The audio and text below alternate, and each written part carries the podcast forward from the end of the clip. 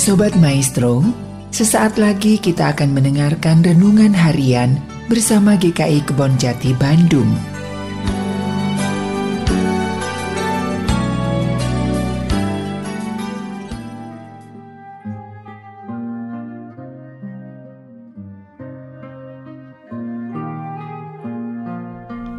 Shalom jemaat yang dikasih Tuhan Yesus Kristus. Jumpa lagi dengan saya Stephen Matthew di dalam renungan harian GKI Kebonjati. Tema renungan kita hari ini adalah bukan sekedar perbuatan baik. Ayat yang menjadi bahan perenungan kita diambil dari Efesus 4 ayat 25 sampai 32. Dilanjutkan dengan Efesus 5 ayat 1 dan 2. Demikian firman Tuhan. Karena itu buanglah dusta dan berkatalah benar seorang kepada yang lain, karena kita adalah sesama anggota. Apabila kamu menjadi marah, janganlah kamu berbuat dosa.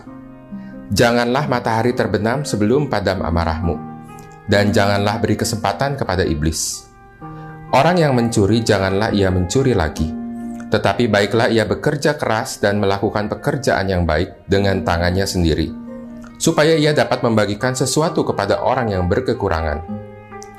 Janganlah ada perkataan kotor keluar dari mulutmu, tetapi pakailah perkataan yang baik untuk membangun di mana perlu, supaya mereka yang mendengarnya beroleh kasih karunia. Dan janganlah kamu mendukakan roh kudus Allah, yang telah memeteraikan kamu menjelang hari penyelamatan. Segala kepahitan, kegeraman, kemarahan, pertikaian, dan fitnah hendaknya dibuang dari antara kamu demikian pula segala kejahatan. Tetapi, hendaklah kamu ramah seorang terhadap yang lain, penuh kasih mesra dan saling mengampuni, sebagaimana Allah di dalam Kristus telah mengampuni kamu.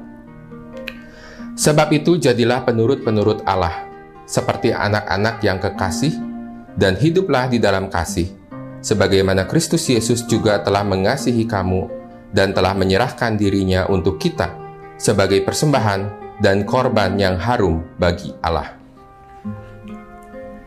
Ayat yang barusan kita baca merupakan bagian dari nasihat Paulus kepada jemaat di Efesus untuk melakukan perbuatan-perbuatan yang baik, seperti tidak berdusta, jika marah jangan sampai berbuat dosa, dan kalau marah jangan berkepanjangan, jangan mencuri tetapi bekerja keras, bagikan sesuatu kepada orang yang berkekurangan, jangan mengucapkan perkataan kotor, membuang segala kepahitan, kegeraman, kemarahan, pertikaian, fitnah, dan kejahatan. Ramah seorang terhadap yang lain, saling mengampuni. Ketika saya membaca ayat ini, timbul pertanyaan dalam hati saya. Bukankah semua hal baik yang Paulus minta jemaat Efesus kerjakan merupakan standar moral yang umum berlaku untuk semua umat manusia? Bukankah kita juga dengan mudah dapat menemukan himbauan yang serupa di agama-agama lain. Lalu, apa istimewanya jemaat Efesus jika melakukan semua kebaikan moral tersebut? Ternyata, keistimewaannya terletak bukan pada perbuatan baiknya semata, tetapi pada alasan mendasar kenapa jemaat Efesus berbuat baik.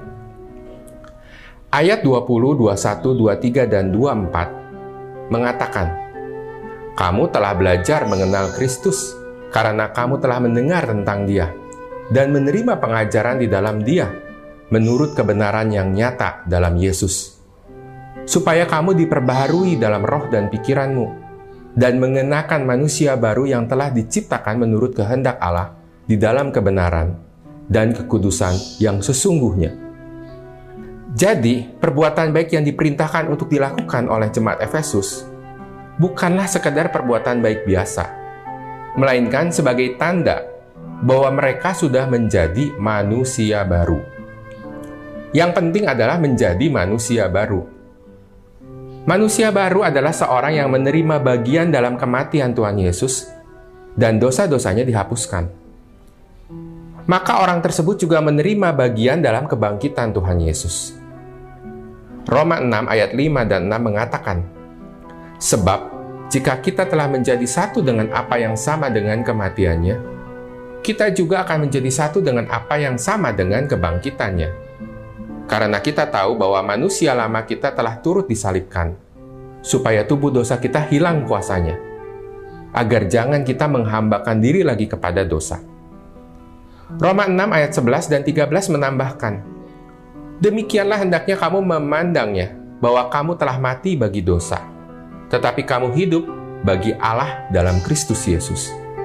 Dan janganlah kamu menyerahkan anggota-anggota tubuhmu kepada dosa untuk dipakai sebagai senjata kelaliman. Tetapi serahkanlah dirimu kepada Allah sebagai orang-orang yang dahulu mati tetapi yang sekarang hidup.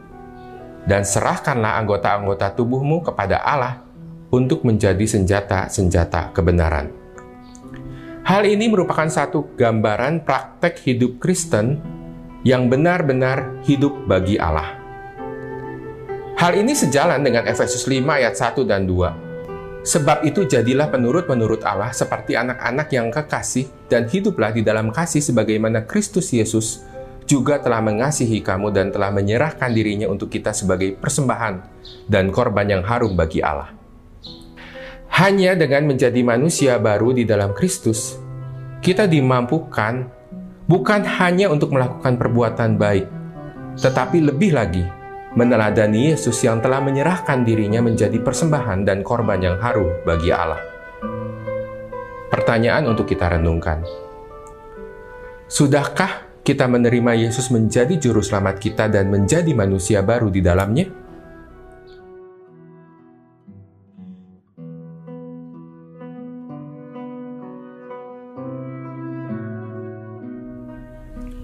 Hanya dengan menjadi manusia baru di dalam Kristus, kita dimampukan bukan hanya untuk melakukan sekedar perbuatan baik, tetapi lebih dari itu, kita dimampukan untuk mempersembahkan hidup kita menjadi persembahan dan korban yang harum bagi Allah.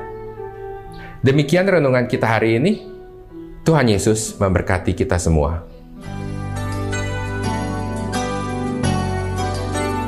Sobat Maestro, Baru saja Anda mendengarkan renungan harian bersama GKI Kebon Jati Bandung. Tuhan Yesus memberkati.